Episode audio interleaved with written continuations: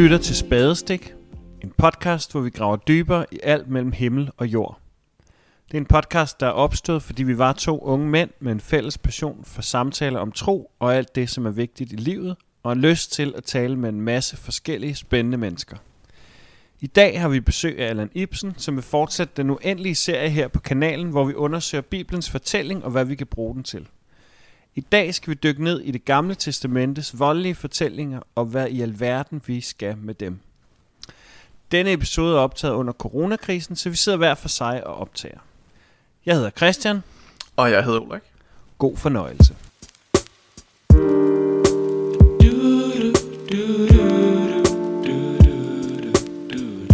Jamen velkommen til Allan Ibsen og øh, Ulrik og jeg. Øhm, i dag så skal vi prøve at arbejde lidt med, øh, hvad det er, vi stiller op med en Gud, der ifølge Bibelen udfører folkedrab og andre sådan vanvittige ting. For et par uger siden så havde vi besøg af Louise Fischer Nielsen, som tog os med ind i maskinrummet til arbejdet med den nye Bibelen 2020. Og for mit vedkommende en samtale med en masse underliggende spørgsmål. Spørgsmål om, hvad det er, der er helligt i den hellige skrift, og hvordan vi fortolker den. Og hvad stiller vi overhovedet op med Bibelen, sådan som den er? Vi må nok sådan konkludere, at den episode, vi lavede med Louise, det bliver startskud til en uendelig serie her på den her kanal, hvor vi stiller skarp på Bibelen og hvad vi bruger den til.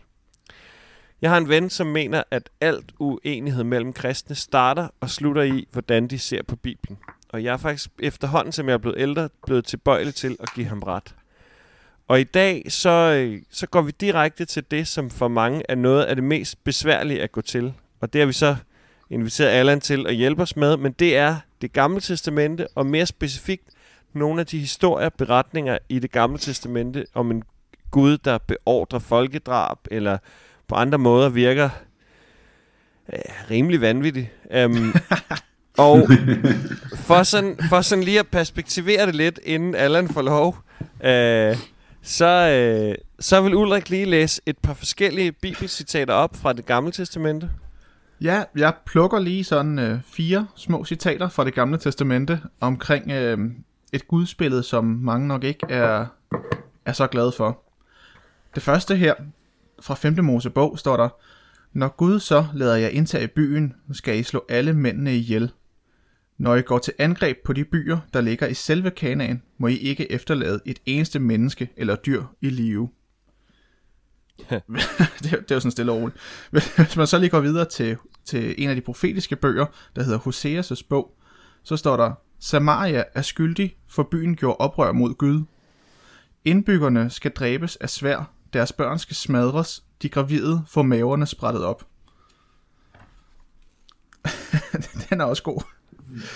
Så er vi da kommet godt Så i er vi gang. kommet godt i gang. Et andet af de profetiske bøger i det gamle testamente, der hedder Jeremias' bog, der står, og under fjendernes frygtelige belejring vil jeg tvinge indbyggerne i Jerusalem til at spise deres egen sønner og døtre og naboer. Yes, og så den, øh, den sidste, den, det fjerde citat her, fra, øh, også fra Jeremias' bog, der står, Jerusalem, du spørger dig selv, hvorfor alt dette er sket for dig. Det er din egen skyld. Fordi du ikke holdt dig til Gud, blev dit skørt løftet op, og du blev voldtaget. Det var sådan fire små ja. udplukkede citater for lige at sætte stemningen. Og, og du skal måske lige nævne, at du læser op fra Bibelen 2020 i det der, ikke? Det er fra, det er fra um, den nye Øhm. bibeloversættelse, Bibelen 2020, ja. Ja. Jeg sidder, jeg sidder Okay. nemlig med den gamle 92 oversættelse, og der kan man sige, der lyder det også vanvittigt. Um, Ja, det gør det. jamen, Det, øh, det gør de i alle oversættelser. Ja. Allan, vil du hjælpe os lidt med det? Ja, for nu, nu synes jeg, vi har travlt, øh, og jeg tænkte lige på, om jeg har valgt de rigtige naboer. Fordi, nej, altså det, det, her, det her er jo vanvittige citater, ikke også? Altså spørgsmålet er, eller det er jo ikke noget spørgsmål, altså spædbørnsdrab, folkedrab, kannibalisme, voldtægt. Altså, det er det, vi snakker om her, ikke også? Øh, sådan ret råt for, for usødet. Øh, og i alle andre tilfælde, så vil vi jo tage afstand fra det her øh, og fordømme det. Øh, der er en forsker, der har fundet mere end 100 steder i det gamle testamente, hvor, hvor Herren beordrer drab. Øh, og, og, og altså her i nyere tid, øh, 1. Samuels bog, kapitel 15, som vi ikke lige læste op fra her, men det kan man jo gøre for sin egen fornøjelses skyld i den ene eller anden oversættelse. Altså det, det bliver her i 94 brugt i, i prædikner mm. i Rwanda til øh, opfordring på drab øh, på, på tutsier. Altså så vi, vi bliver simpelthen nødt til at, at forholde os til, at, øh, at de her ting står mm. i vores kære Bibel. Øh, og, mm. og så er der en anden ting, når, når, når sådan øh, nye ateister som Richard Dawkins og Sam Harris og, og deres følgere øh, kritiserer Bibelen skarpt, så går vi ofte som kristne i sådan en, en defensiv mode eller holdning, fordi mm, det er en kritik, der kommer udefra. Mm. Så derfor vil vi gerne prøve at forsvare, fordi hvis, vi tror, at hvis vi forsvarer Bibelen, så forsvarer vi vores, vores tro. øh, men altså, jeg tror, der er en anden tilgang. Øh, og jeg tror, som så mange andre ting, at, øh, at hvis vi går omkring Jesus, så kan vi lære noget meget fornuftigt. Altså fordi mm, Jesus brugte mm. jo det gamle testamente, fordi det var det eneste, han havde på det her tidspunkt. Og gang på gang var Jesus jo i konfrontation med religiøse ledere om, hvordan at man skulle forstå det, der stod skrevet. Mm. Altså, øh, dem som Jesus diskuterede med, man kan sige, at de havde en, øh, en tilgang til det, de læste, som man kan kalde ubetinget lydighed. Mm. Hvor den tilgang, som jeg synes, øh, Jesus har til det, han læser i, i det gamle testamente, er betinget lydighed. Betinget lydighed. Betinget lydighed over for ubetinget lydighed. Mm. Øh, altså i, i, i bjergprædiken har vi de her berømte, I har hørt, der er sagt til de gamle, mm. efterfulgt af, men jeg siger jer. Mm. Øh, I har hørt, der er sagt til de gamle, du må ikke begå drab, og den, der begår drab, skal kende skyldig af domstolen, men jeg siger jer. Og der har vi flere af de her, øh, de her udsagn. Øh, elsk jeres fjender, bed for dem, der forfølger jer, selvom det ikke er et, et gammelt citat, så at det der med at elske næsten og have fjenden, det er sådan en, en fortolknings af, af nogle steder i det gamle ja. testamente, som Jesus tager afstand fra her. Mm. Og, hele det her indsnit, eller afsnit, hvor, hvor Jesus siger de her ting øh, i, i Matthæus øh, 5, øh, der begynder øh, Jesus med at sige, tro ikke, at jeg er kommet for at nedbryde loven eller profeterne. Jeg er ikke kommet for at nedbryde, men for at opfylde. Mm. Sandelig siger jeg jer, før himmel og jord forgår, skal ikke det mindste bogstav eller en eneste tødel forgå af loven, før alt er sket. Mm. Og se, det ord, som vi her oversætter med opfylde, det kan både betyde, at Jesus overholder loven til punkt og prikke, mm. og det er sådan, jeg har fået det at vide i min søndagsskole. Men det kan altså også betyde, at han fylder loven helt op, det vil sige, at han bringer loven frem til dens sande mening. Mm.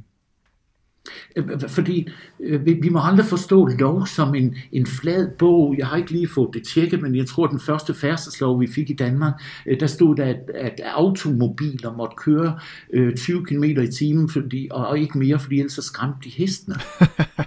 det skal man også passe på også? med. Men, ja, det skal man passe vildt meget på med, ikke også? Øh, men så går der noget tid, og hesten er der ikke så meget mere, og så bliver der så skrevet til på den her første lov. Og det vil vi komme tilbage til, at, at, at en lov selvfølgelig er en aktiv størrelse, og, og, og vi har en levende, vi tror på en levende Gud, så derfor er vores Bibel også en aktiv størrelse. Men det kommer jeg tilbage til øh, lige om lidt. Men, øh, men, men, men Jesus opfylder ikke loven ved at overholde den til punkt og prikke, mm. men ved at bringe den frem til den sande mening, som øh, er lovens egentlige mening, som, som, som er den her udvikling. Altså den her udvikling øh, kan vi jo se, altså vi synes, og det læste vi så ikke, vi synes for eksempel, at, at det er barbarisk, når vi læser øje for øje og tand for tand. Ja. Ikke også? Men dengang det blev skrevet, så var det et forsøg på at begrænse vold og hævn. Hvis vi går tilbage tidligere i, i Mosebøgerne, så Kain skulle hævne syv gange i første Mosebog, og Lamek 77 gange også i første Mosebog. Der er altså en udvikling i vores Bibel fra noget, der er helt overdrevet. Hvis du slår en af mine ihjel, så slår jeg alle dine ihjel. Og så til, at det på et tidspunkt lyder øje for øje og tand for tand. Mm-hmm. Og til Jesus, der siger, vend den anden kind til. Mm. At Jesus opfylder loven, ikke ved at overholde den til punkt og prikke, men ved at fylde den op mm. til den sande mening. Det, det er det her med, at, at når Jesus øh, læser med betinget lydighed øh, øh, og fylder den op, så er det ved, at, at den lydighed, han læser med, den er betinget af kærlighed og noget.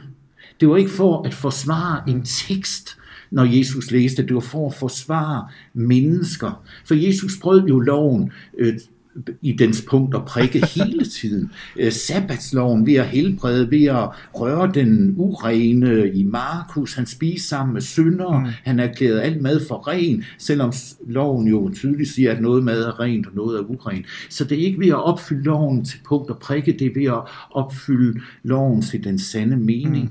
Og det er derfor, han blev kritiseret for at være gudsbespotter, froser, dranker, og ven med toller og syndere, lidtog i, med, med alle mulige øh, dårlige typer. øh, altså, og når loven kræver vold, øh, hvad gjorde Jesus så med kvinden i Johannes 8, der var grebet, og jeg godt lide det her udtryk, på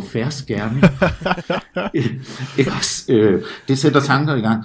Øh, Præcis. Men, men Øh, altså Johannes 8, ikke også? Hvad, hvad, hvad, hvad, altså i, i loven er der ikke nogen noget for en kvinde, der er grebet i utroskab, 5. Mosebog, 3. Mosebog. Men Jesus vælger ikke at følge loven, hmm. men at redde kvindens liv. Så det, vil, det, det betyder virkelig, at vi ikke skal, alle de her love og forfærdelige citater, vi kan læse i det gamle testamente, det er ikke noget, som vi i dag skal tage for bogstaveligt, men hvorfor er det så, at vi stadigvæk har det med? hvorfor er det så, at vi stadigvæk har det gamle testamente med i vores, øh, i vores læsninger, i vores bibelbrug? Øh, fordi, øh, fordi det gamle testamente er, er enormt vigtigt, fordi Jesus forstod sig selv øh, ud fra en tradition, der hedder Abraham og Isak og Isaias. Mm. Øh, ikke også? Jesus forstod ikke sig selv ud fra Paulus eller Luther eller Calvin. Altså sådan, vores tilgang til Jesus har jo ofte været, været ned igennem kirkehistorien, mm. hvad de forskellige har sagt øh, om Jesus, men Jesus forstod sig selv ud fra en tradition øh, øh, øh, af, af profeter. Ja. Øh, og, og når vi skal forstå Jesus, så er det, så det lige præcis det her spørgsmål er et rigtig godt eksempel på, fordi øh, altså, fordi det som mm, vi skal komme ind på lige om det, det er, at øh, at, at Jesus jo valgte, mm. hvad han læste i det gamle øh, testamente. Øh, Jesus tog jo netop ikke de steder, som vi begyndte med at læse op. Vel, øh, vi, hører, vi hører ham ikke citere dem en eneste gang. Mm. Hvad er det så, han citerer øh, i stedet? Øh, han er meget glad for Isaias. øh, Hoseas, Gå hen og lær, hvad det vil sige. Barmhjertighed ønsker jeg, ikke slagtoffer. Jeg er ikke kommet for at kalde retfærdige mine sønner. Mm. Matthæus 9 og 12 øh, fra Hosea 6, 6. Ikke også? Der, er, der, der er flere stemmer i det gamle testamente, som jo taler imod øh, hinanden. Mm. Der er forskellige måder at opfatte, for at opfatte Gud og lov på. Øh, og, og vi kan se, der er to hovedretninger, der diskuterer, hvordan Gud vil, at mennesker skal leve, og hvordan vi skal forstå loven. Mm.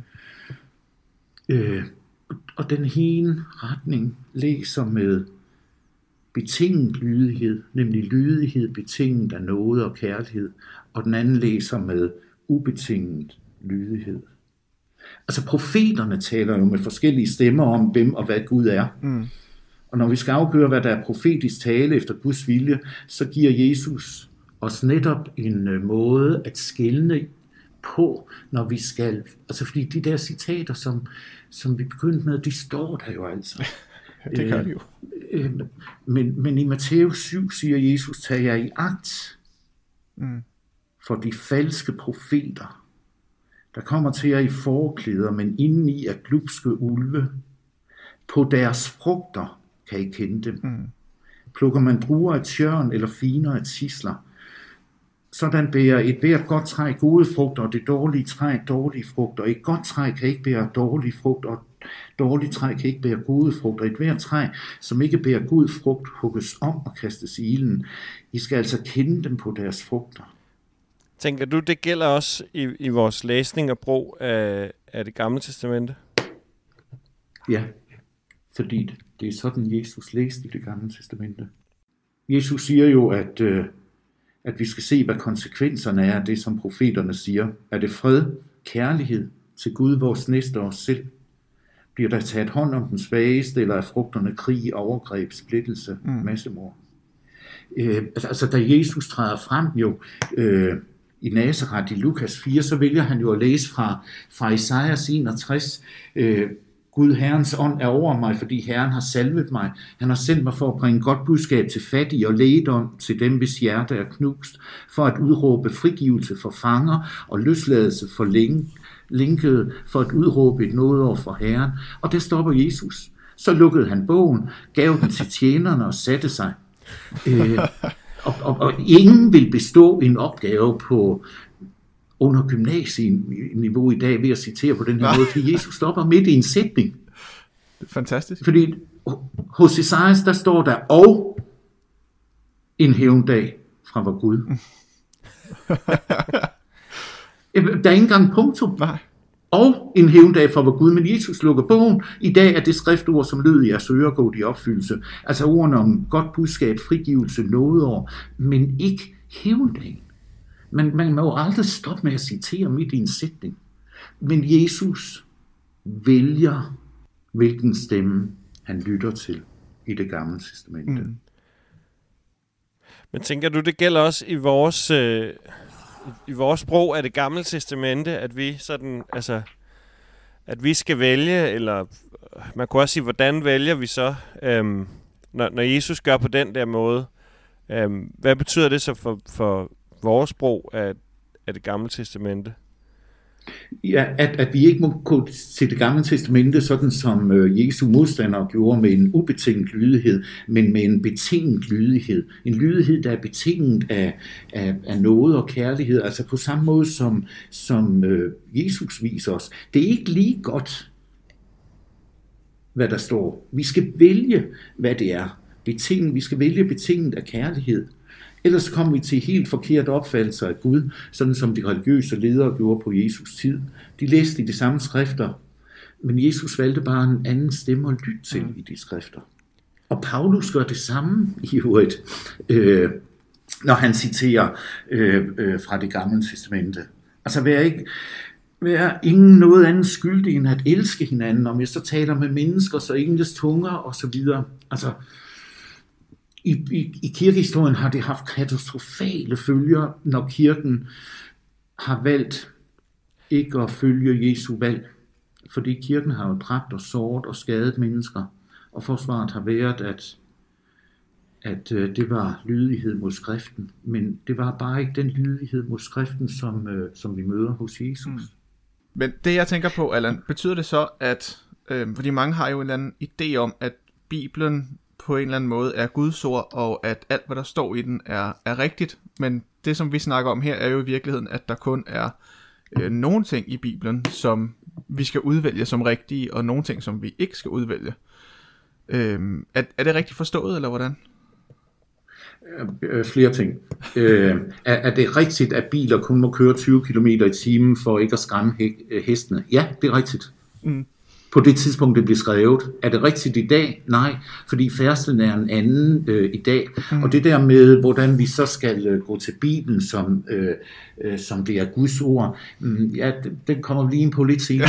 altså, fordi, det er en god cliffhanger. Øh, Ja, nej, men, men det er fordi, at, øh, at det gamle testamente har, altså den første, der blev dømt som kætter mm. øh, i kirkens historie, altså det var Markion i 144, netop om et spørgsmål om øh, det gamle testamente. Mm. Fordi han, øh, altså han kunne ikke bruge det her med volden i det gamle testamente, og, og Urine sagde jo lidt senere, at, øh, at, at alt det vi læste om var, var ikke fysiske krige, det var spirituelle krige. Mm.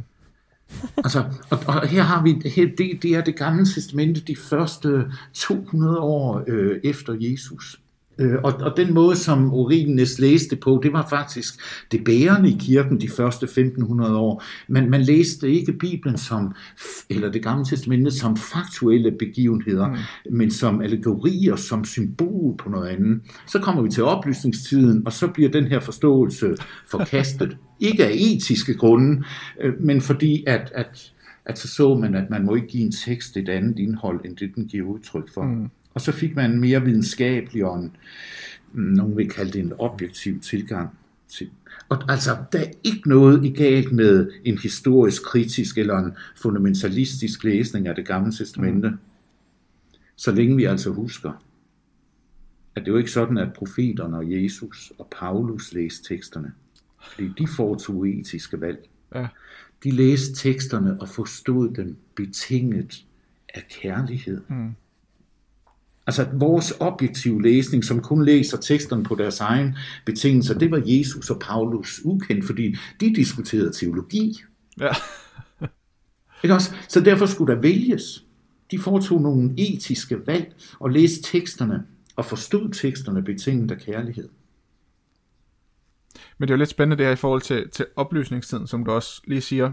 Øh, For blandt andet sådan noget som, som skabelsesberetningen er jo et, et sådan jødisk digt, der i overvis har været brugt til at overleve en mytologi.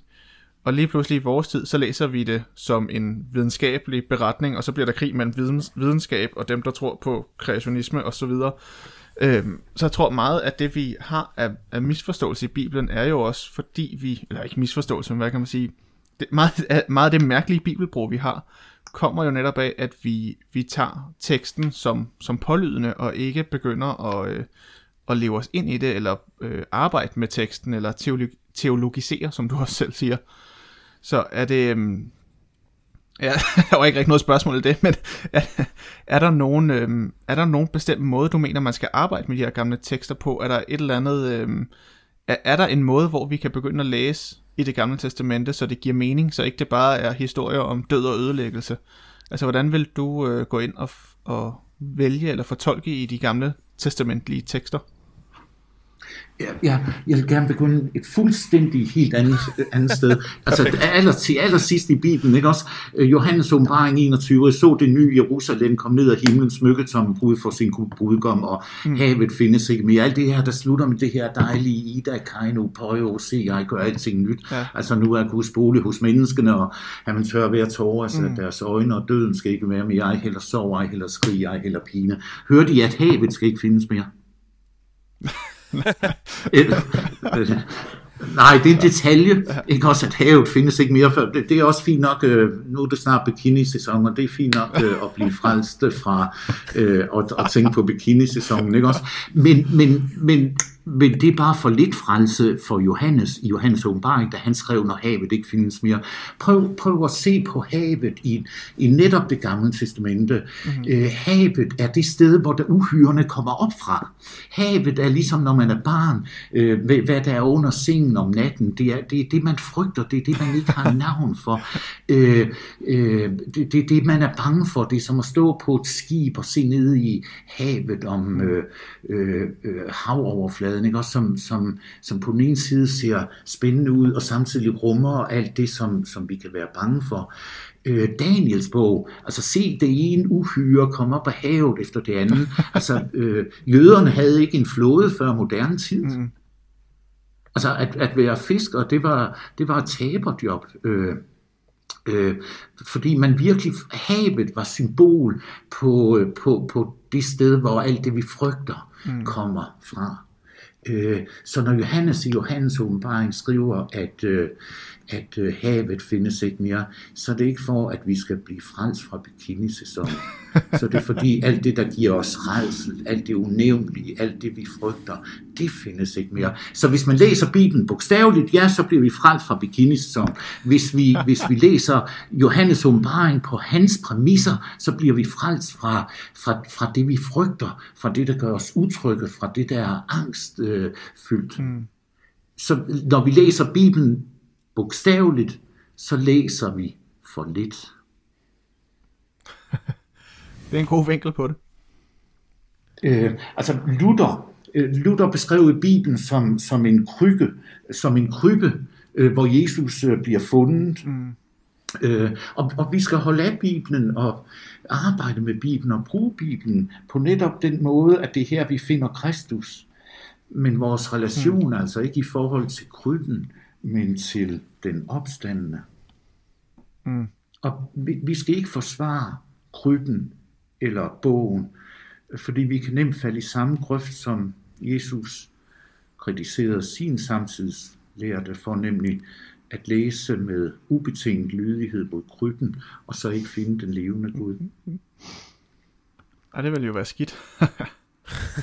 Ja, altså, og, og, og det, her, det her er jo altså en udviklingshistorie gennem tid også. Bibelen er jo ikke en, Bibelen er jo ikke en flad bog. Altså prøv at læse uh, Esra og Nehemias, og så læs bagefter Ruth og, og, og Jonas. Altså, de er inde i et opgør. Mm. Øh, Amos, Hosea er inde i et opgør om... Øh, øh, forskellige, forskellige gudsbilleder.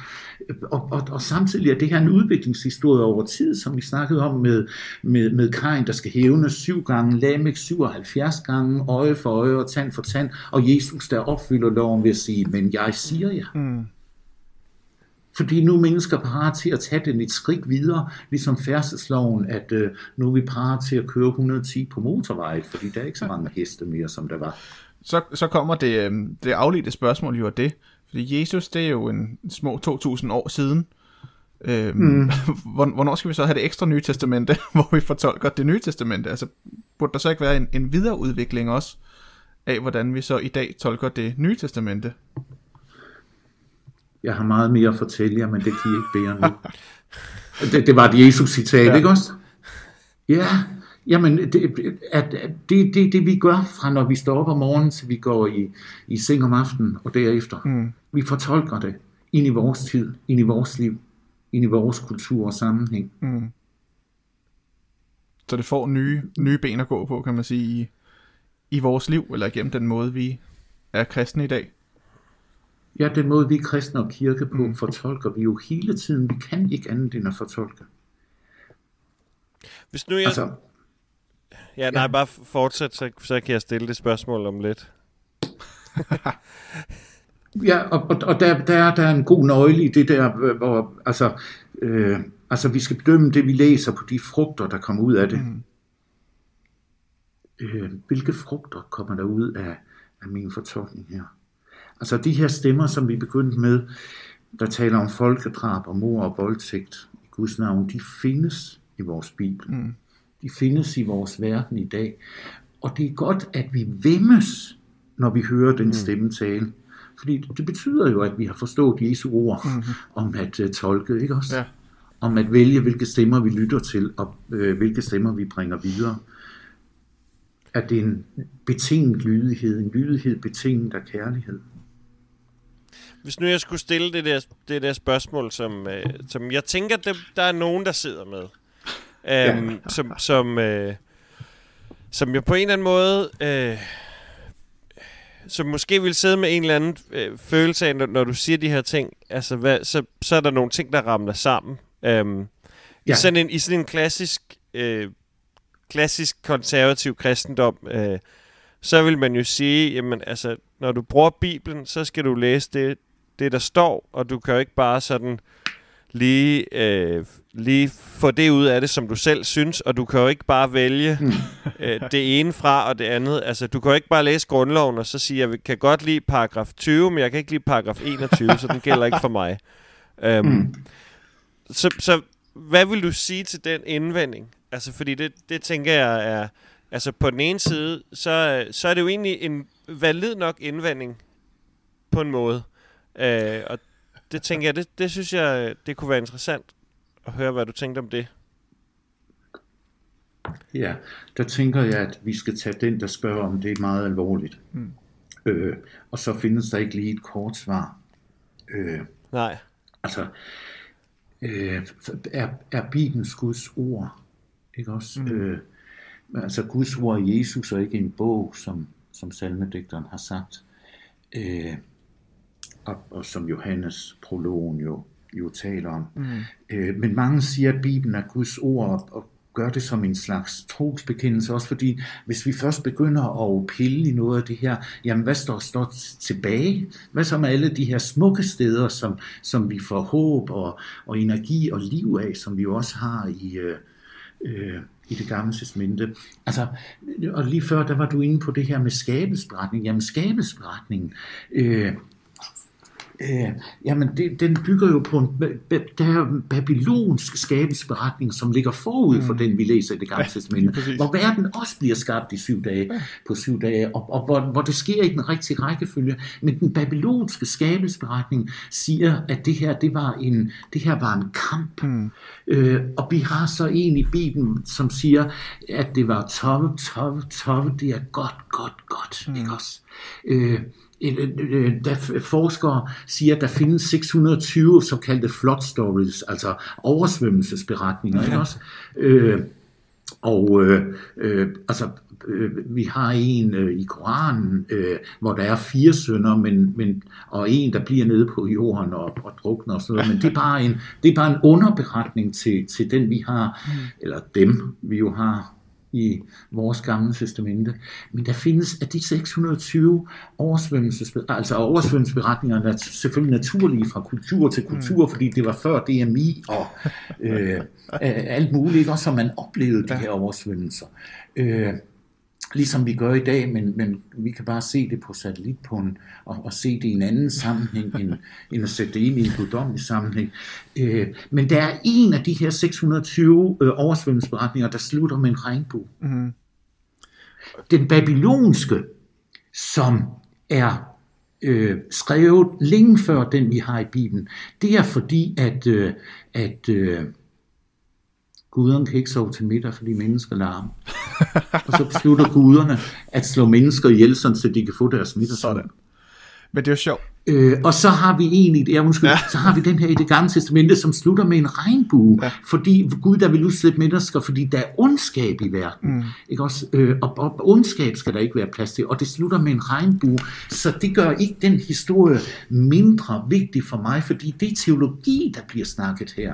Mm. At der er ondskab i verden, og det vil Gud ikke have, og at det slutter med en regnbue. Mm.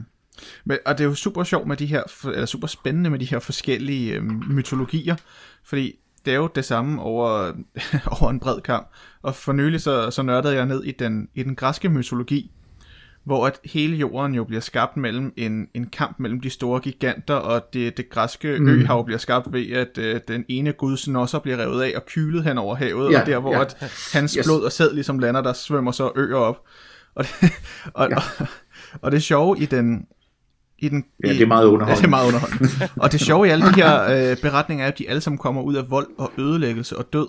Og så har du den, den jødiske tradition og den kristne tradition, hvor det opstammer af, af kærlighed og godhed, og det var godt, og vi, øh, vi, vi bevarer de gode mennesker, øh, vi, vi, øh, vi, vi slutter fred, og en Gud, der ligesom kommer, kommer nær til os, hvor alle de andre mytologier stort set er os, der skal gøre gøre godt mod en eller anden guddom, og vi skal ofre til en guddom for at gøre dem tilfreds. Så her i vores tradition er det lige pludselig en gud, der kommer os nær og vil os godt. Og det tror jeg er en af de eneste mytologier, hvor det, det er den bevægelse, der er. Så det er en ret spændende vinkel på øh, blandt andet Noahs ark-historien og skabelsen og alle de her ting, at det, det pludselig er en, en bevægelse fra Gud mod os. Ja, altså for at samle op på en tråd lidt tidligere. Jeg har hørt der sagt, mm. at skabelsen begyndte med en kaotisk kamp mellem guder, men jeg siger jer, det begyndte med Gud, der ville skabe orden i kaos og ville, at det skulle være godt. I har hørt, at der er sagt, at der var en syndflod, fordi mennesker larmede for meget, men jeg siger jer, det handler om, at der var ondt i verden, og husk, det skal være godt. Ja. Det ligger Gud på sinde, og derfor ender det med en regnbue. Mm. Så kan man sige, at der også sådan igennem Bibelens tekster, øh, altså at der sker en eller anden form for udvikling? Er det det, som, er det, det du også lidt kommer ind på? Altså at vi, at, at vi igennem, altså ved at læse igennem Bibelen, også får en eller anden fornemmelse af for menneskers, øh, menneskers tro, der udvikler sig, og, øh, og vi får lov til at være med i den? Ja, ja, ja. Altså ligesom, ligesom ja, samtidig med, at, at det her altså er, det her er teologi, og det her er ikke øh, historieberetning. Altså de her 10, 10 plager øh, i Ægypten er jo ikke bare sådan 10 tilfældigt valgte plager, vel? Det har jo noget med Ægyptens guder at gøre. Øh, altså, og ikke bare, altså, øh, Nilens gud hed Happy, det var frugtbarhedsgud, som ser Nilen blive livløs, mm. død, frøer. En gudinde i Ægypten var afbildet øh, med et frøhoved. Altså vi kan tage alle plager. Det handler, øh, og, og i øvrigt når man læser de her plager, så læg lige mærke til, at ved de første plager, så siger, så, så, er, der, så er der frø over det hele, og så står, øh, så står præsten og siger, det kan vi også gøre, så er der dobbelt så mange frøer. Hvor smart er det lige? men, men, men det her handler jo ikke, det her handler jo ikke om, om, at vi skal læse de her plager som, som bogstaveligt. Det her er teologi, mm. der handler om Ægyptens guder, og hvem den sande Gud er. Jeg er den, jeg er, eller jeg er den, jeg bliver. Ikke også? Mm. Der er mere på spil, end de her drabelige historier om død og ødelæggelse. Budskabet er, at det er de egyptiske guder, som bliver besejret mm. på deres egen hjemmebane af den her Gud. Så man kan næsten sige, det er jo bare, det er bare en lang omgang. Min far er stærkere end din far. ja, det er det. så når, når, du, når du sådan øh, øh, fortæller, så, så kan jeg ikke lade være med at tænke på, at, øh, at, at det er lidt som om, at man altså ved, ved at, at, at vedholde sig i den der øh, meget sådan bogstavtro øh, læsning af Bibelen, øh, på en eller anden måde ender med at få alt for lidt ud af det, i stedet for at, øh, at, at få, få indblik i den kæmpe rigdom, altså, der, der er. Mm. Altså ved, ved at stadig fastholde, at, at nu går jeg sikkert ind i et teologisk minefelt for nogen, men ved stadig at fastholde, at, Bibel, nej, at jorden blev skabt på, på syv dage, så, så misser man noget af det skønne, der ligger nedenunder. Altså, mm. så misser man simpelthen den der grundlæggende fortælling om, at, at jamen, altså, den her verden er ikke til, fordi at, at, øh, at der var noget, der gik galt. Den her verden er, til, fordi der er en skaberkraft, som, som simpelthen ikke kan lade være, og som skaber det hele, og ender med, hver gang han har skabt noget, og for, nærmest forælder sig i det, han har skabt. Han så, at det var godt, og bliver sådan helt, øh, wow. Øhm, og måske ender man med at gå glip af det perspektiv, hvis man, hvis man bliver ved med at diskutere med videnskaben. Øhm, også i den, i den samtale, ikke? Jo. Jo. Øh, altså, der, det dræber, øh, det dræber så meget, det dræber så meget liv. Mm. Øh, altså i, i de nyere jødiske oversættelser af det gamle testamente, der står der, da Gud begyndte at skabe. Øh, fordi skabelsen, ja, altså vi bliver jo hele tiden klogere øh, altså El Shaddai, den almægtige Gud, er forsvundet her i 2020-oversættelsen af, af første mm. Mosebog, mm. fordi man, man nu simpelthen op, og i de nyeste jødiske oversættelser, der står der bare, at, at, at betydningen af ordet er, er ukendt. Altså, øh, vi, øh, vi, vi, bliver, vi bliver stadigvæk klogere på det gamle testamente. Altså jeg vil kunne sidde og kramse op med udgravninger øh, fra de sidste 150 år, ikke også? Hvor man har, hvor, hvor, hvor man har fundet øh, ting øh, fra de omkringliggende liggende riger. Mm. Øh, og så det der med den bogstavelige læsning, der altså øh, Udover den her med Johannes åbenbaring med have, det er også, hvor man læser for lidt, når man læser det bogstavelige, og tænker, at det her handler om vand og badestrand, ikke også? øh, øh, altså øh, ordsprogenes bog øh, 26.4. Svar ikke tåben så dumt, som han spørger, for at du ikke skal komme til at ligne ham. ja, det, det var ikke et svar på et spørgsmål, vel? Og i vers 5 står der, svar tåben så dumt, som han spørger, for at han ikke skal være vis i egne øjne. Hvad skal jeg? Det ene eller det andet. Det er sådan vores tilgang. Nej, det her er to sandheder til brug på forskellige tidspunkter. Mm. Er det ikke to kontekster? Jo, det er nemt så. Ja. Ja, og det er ikke to modsætninger. Nej. Øh, altså, hvis vi tager det nye testamente, øh, altså hvis vi begynder at harmonisere øh, passionsberetningen, altså Johannes evangeliet, der lader Jesus øh, dø en dag før alle de andre, mm. og øh, kvinderne ved graven og alt det der, så går vi jo glip, fordi det her handler jo ikke om historieskrivning, det her handler om teologi. Johannes har ja. en mening med, at det er den dag. Ikke også? Og, og, og de synoptiske evangelier har en mening med, at det er en anden dag. Mm. Altså, det, det, her to, det her to forskellige prædikner, Ja. som hver har en, en, øh, en betydning. Vores, vores gamle testamente er, er historier. Mm. Forskellige historier fra forskellige perioder og fra forskellige øh, kulturelle sammenhænge. Mm. Øh, det er en udvikling i teologi, i Guds billede, i menneskesyn, i tro og moral. Øh, og vi har ikke nogen original af det gamle testamente af, af de skrifter. Vi har skrifter, der er bearbejdet igen og igen, indtil at de har fundet den her form, som nogen på et tidspunkt besluttede skulle være vores gamle testamente. Fantastisk. Ja. Altså, vi, vi, har, vi har ikke en bibel. Mm. vi, vi, har, altså, og, og, og siden, siden jeg læste teologi, har det nye testamente jo ændret sig flere gange. Mm. Øh, Men der, Altså- men der er vel også... Jeg tænker tit, at der er sådan et hint i, i, i det der ord, Bibel. Altså, vi insisterer på, at det skal være et, mm. et entalsord, ikke? Mm. Men Ja. ja.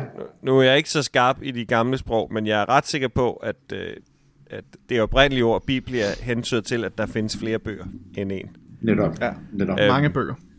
Ja, og det, og det er jo det, Ja. der bliver til bibliotek, og, og der skal vi måske også have vores, have vores egen sådan forståelsesramme hen, når vi, når vi kigger på Bibelen. Mm. Altså, vi skal tænke Ja. på det som et bibliotek af, Fuldstændig. altså, af vidt Ja. forskellige litteratur, som har vidt Ja. ja. forskellige... Øh, som skal noget vidt forskelligt. Mm. Øhm, Ja, altså de gamle rabbiner sagde, at man kan læse Bibelen på 70 måder, nogen sagde så 71 måder, men 70 måder for, øh, for, for hver gang, øh, for hvert år vi lever. Mm. Ikke også? Ja. Øh, og øh, der der er den her gode historie med to rabbiner, som sidder og, øh, og, og, og diskuterer et skriftsted dag ud og dag ind. Mm. Og på et tidspunkt, så bliver det simpelthen englene for meget i himlen, så siger det til Gud, nu må du altså stoppe det der. Nu har så siddet der i 20 år og diskuteret det her ene skriftsted. Øh, og så, kommer, så går Gud ned på jorden, og så nærmer han sig de her rabbiner. Da de så ser, at det er Gud, så skråber de til ham, nej, nej, du må ikke komme. Øh, fordi meningen er ikke at få den ene pointe ved det her skriftsted. Meningen er netop diskussionen, mm. livet, at, at, at vi lader det tale til os. Ja. Altså Karl Barth var, var nok en af de største teologer, sådan, han sagde, at Guds ord er i Bibelen. Mm. Og så siger han, Bibelen giver hvert menneske og hver tid de svar, de fortjener. Vi vil altid finde, hvad vi søger og mere til. Mm. Vi finder det ophøjet og guddommelige, hvis det er det ophøjet og guddommelige, vi søger, og det forbigående og rent historiske, hvis det er det, vi søger. Mm. Guds ord er i Bibelen. Det er fantastisk. Altså, jeg, jeg, jeg elsker de der, øh, den jødisk-rabbinske tradition, fordi de virkelig har forstået pointen i, at teksterne er noget, vi skal vi konstant skal blive ved med at, at arbejde med, at undersøge og diskutere og, og øh, komme ned i. Og det er også det, der er en, en, et andet sådan saying, om at der, hvor to rabbiner er samlet, der er der en 6-8 holdninger til, hvad der står i teksterne. Ja, ja, ja, netop. Og det er jo det, netop, man hele tiden, hele tiden arbejder videre med Ja. det og dykker ned i det. Det synes jeg er fantastisk inspirerende. og der er nok, Ja, altså så, Der er nok en hel, hel episode for sig, eller måske endda flere, hvor vi dykker ned i øh, sådan den rabbinske øh, diskussionstradition og, øh, og sådan altså generelt jødernes jødisk brug af, af skriften og alt det. Um, ja, ja, den her Midras-læsning, Ja. som er fantastisk inspirerende. ja, Hvor, der, hvor den bogstavelige læsning kun er en af dem. Lige præcis. Mm. Der, så den, den, må vi, den må vi have til gode. Øhm, jeg, jeg, altså, på den ene side, så føler jeg, at øh, jeg har flere spørgsmål, end da vi startede. Og på den anden side, så, så har jeg også en oplevelse af, at øh, vi er ved at nå til vejs ende. Øhm, på en måde. Og så, så kan man sige, at det her, det, det er jo den uendelige serie på, i, på den her kanal. Så, så må ikke vi fortsætter. Mm. Øhm, vi skal slutte i at øh, blive en lille smule praktiske. Øhm, er der en eller anden god praksis, som, som man kan tage med fra den her samtale? Er der et eller andet, som, som man kan tage med og gøre eller øve sig i i den kommende uge, øhm, som, som øh, på bagkant af det, som vi har talt om? Mm. Ja, hvis man skal tage noget praktisk med, så, øhm, så en anden af de her fantastisk øh, rabinske måder at sige det på, det er jo, at, at Bibelen er som en, øh, en facetslæbet diamant. Når man holder den op mod lyset, så hver eneste gang man bare drejer en lille bitte smule på den, så vil, så vil det lys, der ligesom kommer igennem diamanten, der altid komme som en, som en ny farve, eller som en ny regnbue ud igennem. Og jeg tror måske lidt, det er det, der er, er den praksis, man kan tage med videre her, og, øhm, og bruge noget tid her den kommende uge, på bare at sidde og, øh, og læse et stykke i Bibelen. Måske gør det sammen med en, en ven eller din, din øh, ægtefælle derhjemme. Og så bare bruge noget tid på at diskutere det her, øh, det her stykke i Bibelen. Ikke for at komme frem til et, øh, et rigtigt svar eller en løsning på det, men simpelthen bare for at dykke ned i alle de forskellige fortolkninger og muligheder og tilgange og udbytter, der vil være af at læse øh, det her bibelstykke. Så simpelthen bare sidde og, og diskutere og, øhm, og virkelig øhm, ja, få dykket ned i, i et enkelt bibelstykke, bare for at dykke ned i det. Ja, men det var et godt bud. um, og øh, så vil jeg jo som altid sige, du er meget velkommen til at, øh, at gå ind og, og skrive til os inde på Facebook med, øh, med kommentarer eller feedback eller spørgsmål. Um, nu er vi også vi er at finde både på Spotify og på iTunes podcast og på Anchor, og du er også meget velkommen til at gå ind og abonnere på os derinde. I iTunes må du også gerne gå ind og skrive en lille anmeldelse. Det, det hjælper altid. Um, Men kun hvis den er god. Ja, det er da træls, hvis, hvis du skal ind og give os, give os en stjerne i iTunes. Um, men tak fordi du lyttede med, og vi håber, I kunne lide det. Vi høres ved.